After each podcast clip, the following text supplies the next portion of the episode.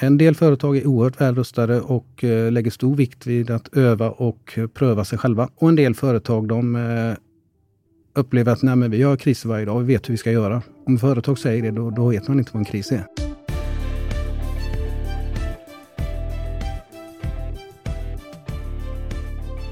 Hej och välkommen till Förhandlingspodden. Detta sista avsnitt av säsong 13. Nu eh, väntar sommar och lite allt möjligt som man kan hitta på under den tiden. Eh, och det här har varit en eh, lite rumphuggen säsong av lite olika skäl. Eh, till att börja med så ställde jag ju om och valde att fokusera på de lite oroliga tider som vi är i just nu. Så vi har haft tema, hur ska man hantera de här oroliga tiderna? Och vi ska avsluta med att träffa Johan Benson. Jag gick igenom ett antal profiler. Jag var lite en person som kunde på något sätt rama in det här med ökade militära aktiviteten, säkerhetsfrågor, oro. Jag hittade Johan. Han har jobbat som säkerhetschef i en lång rad bolag. Han har varit officer i 15 år, numera reservofficer. Så att han på något sätt checkade i alla boxar för en trygg person att på något sätt kunna hålla i handen nu när vi ska stänga säsong 13. Så häng med oss när vi pratar om Ryssland. Hur kunde det bli så här och kanske förstå det lite mer ur en rysk kontext. Vi ska prata om krishantering. Hur ska man förhålla sig som individ, som grupp? Vad kan vi lära oss av det militära? På något sätt hur vi kan skapa någon slags känsla av att vi ändå kommer framåt i en orolig tid. Och slutligen det här med säkerhet. Tänk alla de här hoten som är runt oss. Vilka är de egentligen? Hur ska man hitta dem? Hur ska man försvara sig mot allt från cyberattacker till gängkriminalitet? Johan hjälper oss med allt det där. Och vet ni vad? Vi ska också berätta en, en rätt kul sak som kanske någon av er har noterat. Så en anledning till att det varit lite dålig aktivitet här på podden ett par veckor, det är att eh, vi faktiskt ägnat oss åt att podden har skaffat en liten unge. Jajamän. Den 31 augusti släpps boken Förhandla mer som jag skrivit och tagit fram tillsammans med Tukan förlag. En bok om förhandlingar i vardagen. En bok som ska göra att nu ska hela svenska folket börja förhandla på riktigt. Så ehm, den 31 augusti så finns Förhandla mer i bokhandlarna. Vill man förbeställa signerade ex i begränsad upplaga kan man gå in på Bokus hemsida och eh, göra det. Och eh, podden säsong 14 kommer också kretsa lite kring det här med vardagsförhandlingar. Löneförhandlingar, förhandla i butik, förhandla på Blocket, förhandla på resan. Vi ska på något sätt ta tillbaka förhandlingspodden till dess kärna. Eh, och det är också nämligen temat för boken. Det kommer bli en sjukt spännande höst som kickar av ordentligt den sista augusti. Då ses och hörs vi igen och eh, om vi inte ses dessförinnan får ni ha en fantastisk sommar. Jag heter Karl Fager. Jag stänger här med Förhandlingspodden säsong 13 Tackar för att ni har varit trogna lyssnare som alltid och eh, vi hörs snart igen.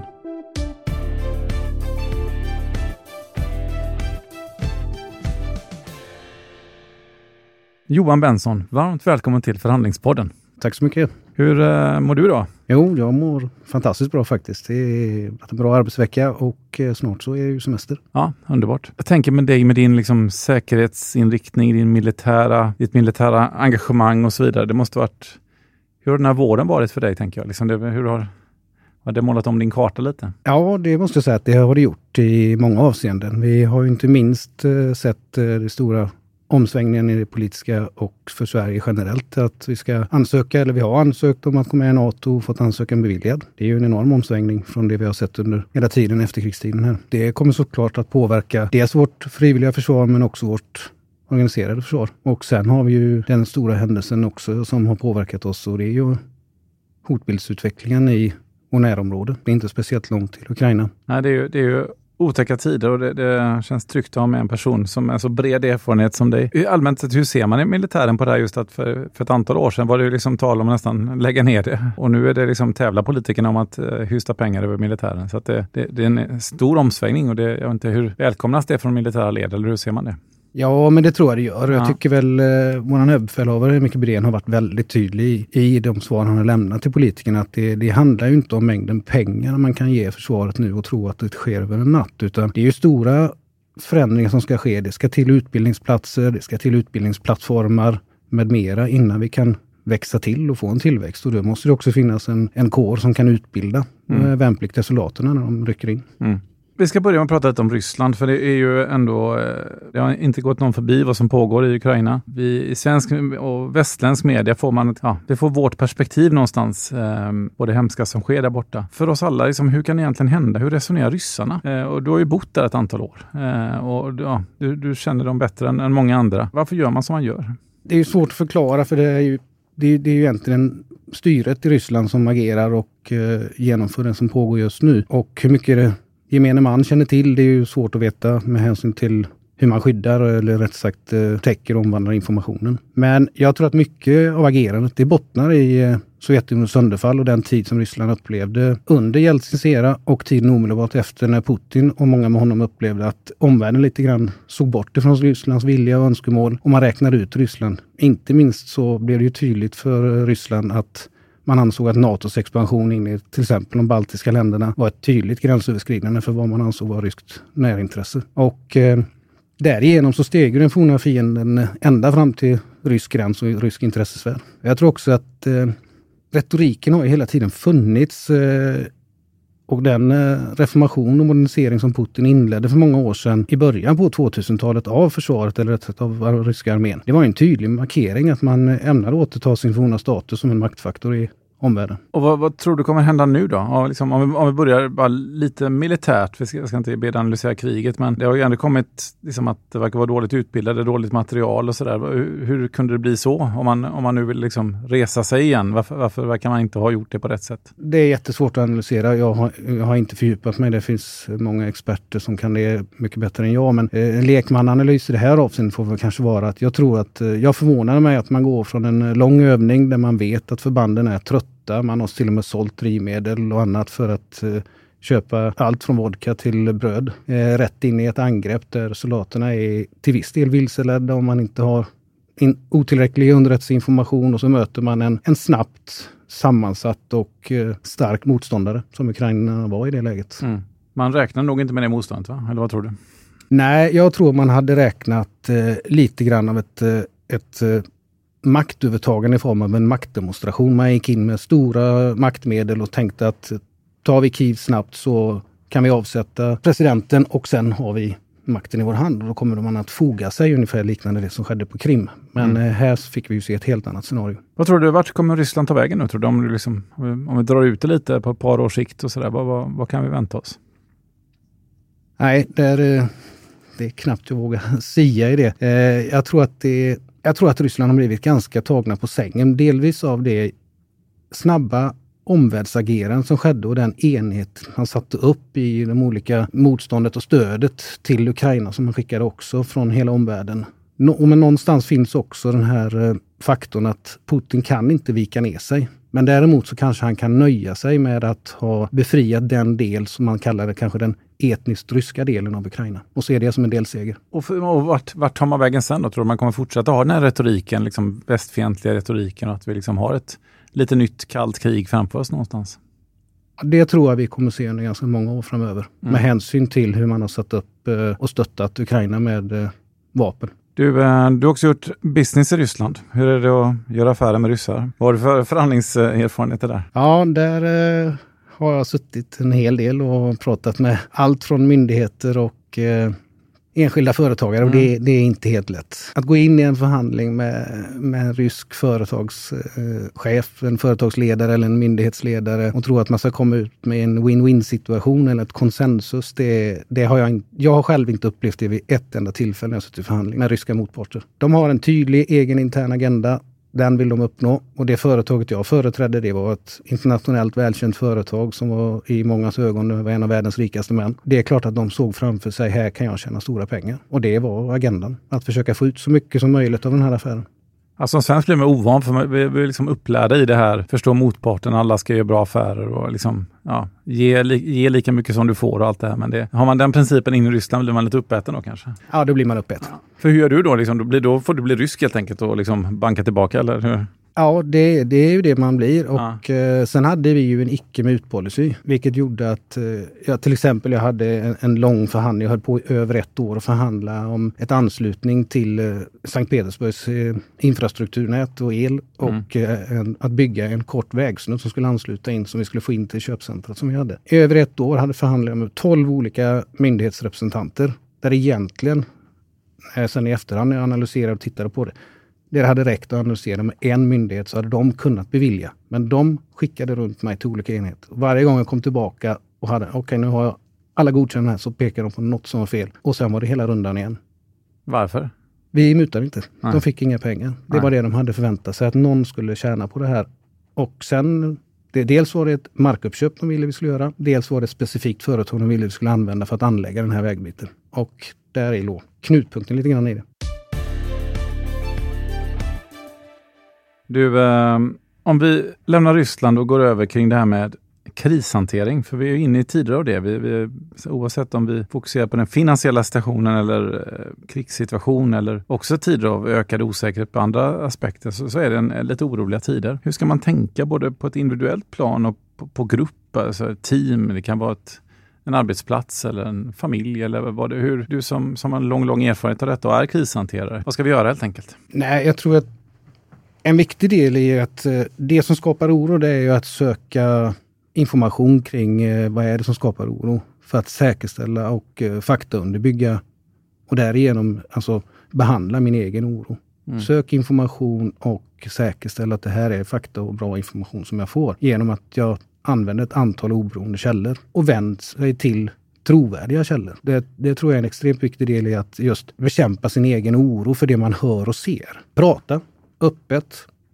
Var öppen med oro. Tala om vilka känslor man känner och, och hur man mår. För att eh, annars blir det oerhört svårt att bemöta det som eh, medmänniska eller som medarbetare. Sen tror jag att eh, för att stärka förmågan hos en organisation och ett företag, då handlar det ju om att eh, utbilda såväl medarbetare som organisationen, öva medarbetare och organisation i krisen och vad en kris innebär och vad det kan få för följder både för dig som dina personliga krisreaktioner såväl som vad det kan innebära för företaget. För därigenom så får du också, genom övning och utbildning, får man ju kunskap och därigenom så får du också kännedom om styrkor och svagheter hos såväl individer som ingår kanske i krisorganisationen, men också vilka styrkor och svagheter vi har i vår krishanteringsplan. Du upplever du att eh, om du ser på olika typer av organisationer, företag, är, är, liksom, är vi väl rustade för kris eller vi, liksom, hur bedömer du?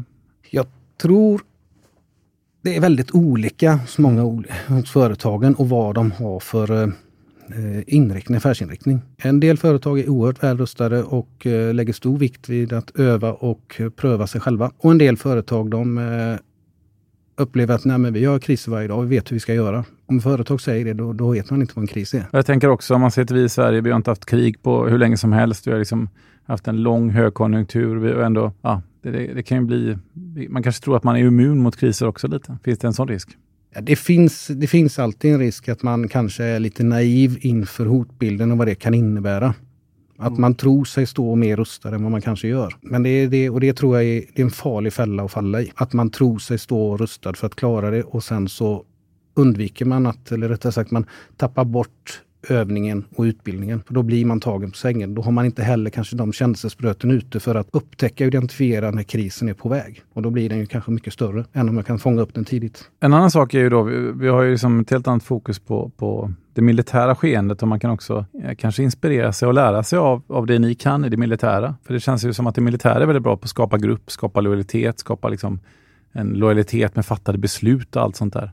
Även i tider av av oro. Jag tänker att det, det, är ganska viktigt om man är på fält, liksom, att, det, att alla gör samma sak. Hur, vad, kan vi, vad kan vi lära oss av det i tider av oro? Vad, vad, vad har det militära att, att, att erbjuda i det avseendet? Nej, men jag, det tror jag det, det, handlar ju mycket om, eh, om sammansättningen av människor och att man tidigt man tränar, man svetsar ihop enheten genom att man utsätts för olika prövningar och eh, man stöter och blöter förhållanden och relationer till varandra. Man ser varandras styrkor och svagheter och man accepterar det. Och man tränar mot vad är det värsta som kan hända? Därigenom blir man ju styrkt och stärkt. Och, och återigen, då är man tillbaka i det här med utbilda, öva, pröva. Och det, vi ser ju samma sak hos polisen, eh, hur de övar sina insatsstyrkor och annat. det ukrainska folket och, liksom, och militären har ändå imponerat i sitt sätt att sl sluta upp mot det man trodde kanske var en övermäktig motståndare. Hur lyckades de med det och vad kan vi lära oss där? Ja, det, det är svårt att säga hur de lyckades med det, men jag tror att eh, det är ett känt faktum, tror jag, att eh, när vi utsätts för ett externt hot så har vi ju en tendens att som eh, individer sluta oss samman i, i grupper och säkerställa att vi skyddar oss mot det externa hotet. Och i det här fallet så var det ju ett, eh, ett, befolkning som känner att hela deras kanske existens, eh, deras fred, frihet, nationella nationen som helhet stod på spel. Mm. Man hade sett vad som hade skett i Krim. Man, hade, man levde ju fortfarande i en, en relation där man hade ett, ett pågående skuggkrig med Ryssland i nordöstra delarna mm. av Ukraina. Och jag tror att nu var det kanske lite droppen som fick bägaren att rinna över. Nu slöt man sig samman. Man hade en president som stod upp stark och lyckades verkligen bli en, en folkenare och en, eh, någon form av nationalsymbol i, det han, eh, i sitt sätt att agera på.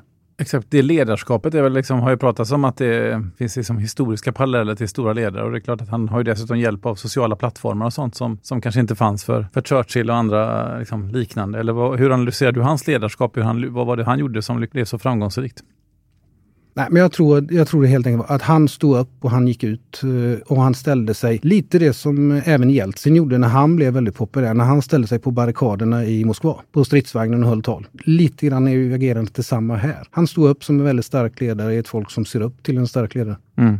Jag tänkte på det här med, jag, jag, tycker att nu när vi liksom är med krishantering, men också finns etiska frågor i, i de här militära tiderna. Hur, hur, ska vi tänka kring det här att vi, liksom, att vi skjuter varandra för att rädda varandra? Jag tycker det finns något, liksom, någon slags motsättning i det där. Sverige skickar vapen och sådär. Hur ska vi förhålla oss kring en ny, liksom, någon slags, ett nytt etiskt paradigm nästan? Hur tänker du kring det?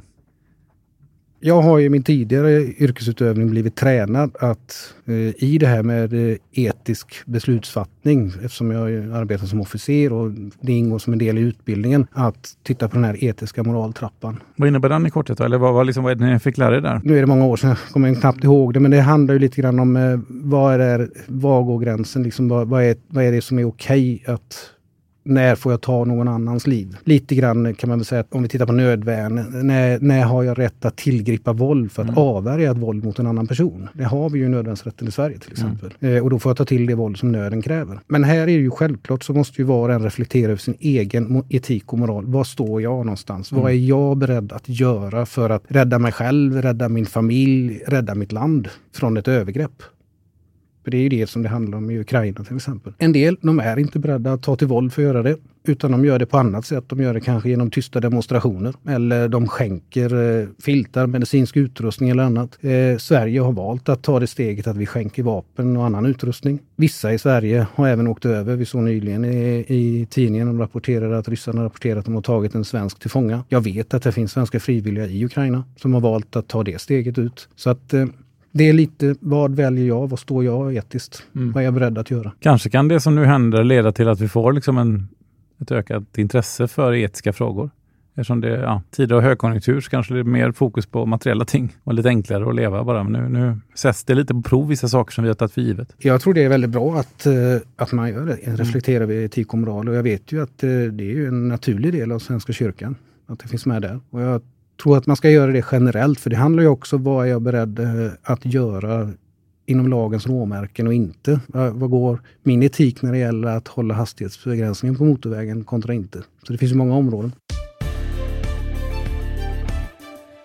När jag satt och käkade frukosten i morse och läste Dagens Industri och hade lite det här poddsamtalet i huvudet så, så jag vet inte om det var därför, men jag tror nästan var, var tredje, var fjärde artikel handlade om olika typer av säkerhetsfrågor. Det var Centern som skrev en debattartikel att, att vi, liksom, vi måste mer fokusera på företagens, alltså kriminalitet mot företag. Det bland nämndes att det kostar 100 miljarder om året och att minst hälften av alla företag utsätts för ja, grövre kriminella attacker varje år. Och det, liksom, det, här är väldigt högt på agendan med det här med cybersäkerhet och så vidare. Hur, hur för dig som liksom jobbar med detta på daglig basis och har gjort under lång tid, vad, hur ska man tänka kring säkerhet eh, rent allmänt? Sådär? Hur, hur ska man förhålla sig till det när det känns som hoten är, är, så många men också så diffusa så att var ska man ens börja?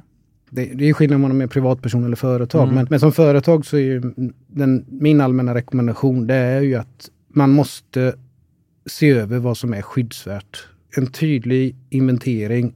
Vad är skyddsvärd hos oss? Vad, vilken information får vi inte tappa eller bli av med? Eh, vilka produkter eller vad är det vi inte får tappa och bli av med i vår affärsplan med mera. Med mera. Eh, och sen så måste man ju när man har identifierat det tydliggöra för sig själv vilka regler ska vi sätta upp? Vilka strukturer ska vi ha och vilka skyddsbarriärer ska vi ha för att kunna förhindra att vi blir av med de här skyddsvärda sakerna vi har och för att kunna detektera då ett eventuellt angrepp eller ett försök till stöld. Eller, för det, idag är ju vi har ju en digitalisering som går i rasande takt, men vi har inte en skyddsutveckling, en IT-skyddsutveckling som går tillnärmelsevis i den takten.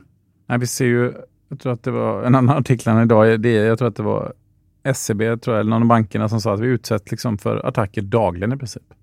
Konstanta attacker. Vi har också sett att ja, flera, bland annat de stora bankerna har haft legat nere eh, flera gånger under året för att, ja, för att de har attackerats. Hur, hur, ska man, hur ska vi få ordning på detta då?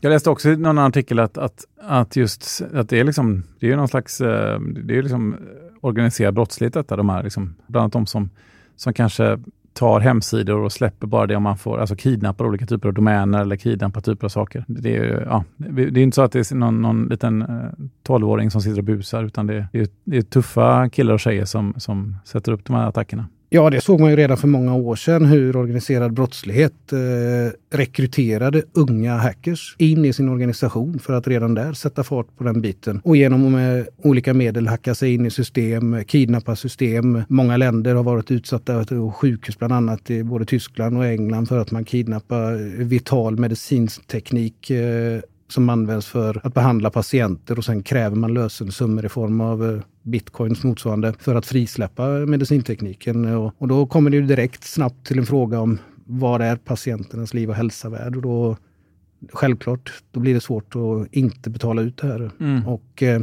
sen tror jag vi har ett enormt mörkertal också där företag inte avslöjar, för det visar ju på en brist i, sitt, i skyddsbarriärerna mm. och säkerheten. Tror du att säkerhet, för du sa att eh, den digitala utvecklingen har sprungit ifrån liksom, säkerhetsfrågan nästan. Kommer den komma ikapp eller vem kommer vinna racet? Liksom? Är, det, är det de kriminella eller är det, det är näringslivet som kan sätta upp de här strukturerna som skyddar och håller ute? Jag tror att det kommer vara en, det, kommer alltid vara en ständig kamp mellan så att säga, det, onda och det goda. Mm. Uh, man sätter upp ett skyddsmedel som täcker upp, men då är det någon som tar fram en, ett angrepp som försöker komma igenom och kommer igenom och så bygger man. Och sen, det har alltid pågått lite grann den kampen mellan, man, ska man prata om kriminella då, och skyddet mot att bli utsatt för kriminaliteten. Just i de frågorna. Du, om vi tittar på en annan typ av organiserad brottslighet, nämligen den här liksom gängkriminaliteten. Där vi exempelvis ser, ja, inte minst exempelvis restauranginnehavare, men även andra som, som utsätts för, för liksom organiserad brottslighet. Hur ska, man, hur ska man skydda sig mot det där? Att, att det kommer in, för det, det, det kan inte vara så lätt. Nej, just den typen av, eh, av hot som går in där man kanske går in och attackerar enskilda familjemedlemmar och, mm. och på så sätt försöker göra ett övertagande. Det, det är oerhört svårt att skydda sig emot och det, mm. det handlar ju om en polisanmälan och, och, i många fall så märker man ju även om jag anmäler det här så går min verksamhet under för den blir så hårt drabbad. Och det, det är extremt olyckligt och det, det handlar ju om det att försöka lösa upp den eh, organiserade brottsligheten på något sätt. Hur man ska komma åt det, det... Nej, det är väl den gyllene frågan idag. Lite. Ja. Hur ska man tänka kring rekrytering och sådär så att man liksom inte får in, för det är väl också en central fråga tänker jag, eller hur jobbar du? Jobbar man kring säkerhet kring rekrytering så att man inte får fel personer innanför dörrarna? Ja, det har ju blivit, eh, inte minst nu med, eh, om man ska säga den uppdaterade säkerhetsskyddslagens eh, återkomst och införande och eh, den aktualiserade hotbildsutvecklingen som har varit i omvärlden, så har man ju tittat på de här säkerhetsskyddsåtgärderna, bland annat att säkerställa att man får in rätt personal är en extremt viktig fråga. Det har ju också en koppling till digitaliseringen. Jag skulle ju inte vilja rekrytera in en fel person som datatekniker i mitt eh, servicecentra. Nej. Det skulle det, kunna bli ganska jobbigt. Det kan bli extremt ja. jobbigt och extremt svårt att upptäcka när den mm. personen går in och hämtar ut kanske skyddsvärd information som sen säljs på Darknet eller någon annanstans. Mm. Men hur, ska man, hur gör man för att undvika att det inte blir så? Då? Eller vad ska man ha för processer på plats? Nej, det handlar ju om att sätta upp de processerna som gör att man både kontrollerar och intervjuar och nyttjar de eh, metoder som vi kan göra i Sverige idag med eh, utdrag ur register, eh, klassning av personal som man behöver klassa kanske för vissa arbetsuppgifter och befattningar. Du, en annan fråga är ju kring säkerhet. Det är ju liksom det rent rent militära hot och vad som händer i, om vi närmar oss en, en ja, krigsliknande situation som ändå liksom inte är så långt borta. Hur ska man förhålla sig till det som, som samhälle och som företag? Och jag vet att du är med och ska bygga upp det civila försvaret igen. Men hur, hur ska vi tänka kring, kring detta? Ska vi, vad tänker du där? Jag tror att vi ska tänka där på samma sätt som vi tänker i fred när vi planerar vår kontinuitet vi kan inte förlita oss kanske på att de digitala systemen kommer att fungera 24-7 är, är en sådan utveckling, en sådan händelse. Utan här måste vi ha andra processer på plats där vi kan gå över till manuella metoder som vi använde före digitaliseringsåldern. Det här är också sådana saker som, som finns i den flesta kontinuitetsplaneringen. Möjligheten att göra detta. Sen kommer det ju att göra vissa saker mycket långsammare det kommer att göra det mer problematiskt eh, och det kommer inte gå lika snabbt. Vilka processer tänker du på när du säger liksom, vad är det som man ska göra manuellt istället för digitalt? Nej, men det kan ju vara att föra medicinska liggare och mm. olika sådana saker och journaler och eh, hantera in och utbetalningar igen som idag går via helt digitala system. Jag vet inte hur många som går omkring med kontanter på fickan idag. Men eh, när Coop låg nere så blev det ju ganska markant vad, vad det mm. innebar. Hur ska man pr som privatperson tänka här, tycker du? Liksom, har du, har du eh, reservlager hemma och torrfoder och konserver? Liksom, ska man förbereda sig på det värsta och hoppas på det bästa som man brukar säga? Jag tror att man eh, idag har ju eh, det finns ju en tydlig riktlinje vad vi bör förbereda oss för hemma som eh, enskild som mm. har gått ut. Och jag tror att det, det är ett sju dygn man säger idag att man ska vara beredd att kunna klara sig utan tillförsel. Och det tycker jag är väl en eh, rimlig riktlinje att förhålla sig till det som man har satt upp där. Att leva ett eh, ensamliv någonstans under månader, det tror jag inte på. Den här handlar ju om att kanske förhålla sig det, till det som man har satt upp och gått ut med och sagt. Att, kan man klara sju dygn så då har man ett bra läge. Vi pratar ju om liksom någon slags militärt hot, men ett, ett, utsätts väl också för andra angrepp, alltså informationshot och cyberattacker också från andra länder. Hur ser det ut? Vad är det som pågår där borta egentligen? Nej, alltså det vet vi ju idag. Utan att peka ut några länder så vet vi att det här pågår idag eh, dagligdags. Var, var pågår? Eller man... Eh, alltså försök till uh, olika form av IT-attacker. Ja. Där man försöker penetrera olika typer av system för att komma åt information. Men det handlar inte bara kanske om att komma åt information. Det kan ju vara att man också vill plantera delar i system för att sen kunna aktivera på längre sikt för att störa ut vissa vitala system eh, när man tycker att nu är det dags att störa. Men också för att hitta svagheter och styrkor. Men det kan också vara, jag kan skicka in någonting för att jag vill pröva hur väl fungerar det här företaget om jag slår ut den här delen. Vad, vad blir deras åtgärder? Vad gör de? Och så tittar jag på åtgärderna och så kartlägger jag. Okej, okay, nu vet jag hur de kommer att agera. Och då kanske man istället kan agera på ett annat sätt. Ja. Ja, det, det är otäckt. Hur mår du när man liksom jobbar bara med sådana här saker? Blir man inte deppig eller så här, eller? Nej, det blir man faktiskt Eller blir man trygg? Det kanske var det du sa från början. Om man, om man, om man vet och har kontroll så kanske det är tvärtom en, en lugnande effekt. Ja, till del tror jag faktiskt det, det är lite så. Man, eh, man jobbar med det och man ser att det finns jobb. Jag blir nog mer eh, frustrerad när jag upplever att trots att man har det framför ögonen så blundar man för det. Mm. Vem är man? Nej, men det kan vara att man möter olika personer i, i allt ifrån olika ledningsgrupper eller när man är ute och håller föreläsningar eller föredrag och så säger nej men det kommer inte att ske här. Och sen så har det både hänt och garanterat kommer att hända igen. Lite grann som varför ska vi ha lås och larm här? Och då brukar jag ställa frågan, låser du dörren när du går hemifrån? Ja, det är såklart jag gör. Jag vill inte ha in en inbrottstjuv. Då har du svar på den mm. frågan varför vi ska ha det här också. Jag har haft med många entreprenörer i, i den här podden och de är ju liksom sådär, ser bara möjligheter och ja, det är väl de du blir frustrerad på då kanske? Nej, det, för det... det, det men det är där det gäller att bygga lag, tänker jag. Att man, liksom, man, man tillför kanske olika perspektiv som är, alla behövs eller sådär. Ja. ja vad, vad, tror du för, för svensk del? Liksom, känner du dig ändå trygg över tid där? Att vi, nu med kanske ett NATO-medlemskap och vi bygger upp igen och så här, känner du som militär och svensk, liksom, känner du dig trygg? Ja, men det gör jag. Ja. Det definitivt gör det. Jag, eh, jag har inte känt att det varit någon direkt hotbild. Jag var nog mer otrygg för den ryska förmågan innan jag har sett hur den faktiskt har varit. Sen ser vi inte allt och många av de bilderna som vi får till oss, det ska vi vara medvetna om att det är ju också, det finns ju ett annat land som också vill visa upp sina styrkor. Exakt, och inte exakt. sina svagheter. Ja, nej, men det är väl inte så mycket objektiv information där ute. Nej. men, äh, nej, nej, men det är väl en förtröstan kanske att, att äh, att tänka så. Du eh, Johan, vi tar med oss detta, för det här är viktiga frågor som vi alla behöver processa och eh, riktar också stort tack för att du tog dig tid att komma till förhandlingspodden. Tack så mycket.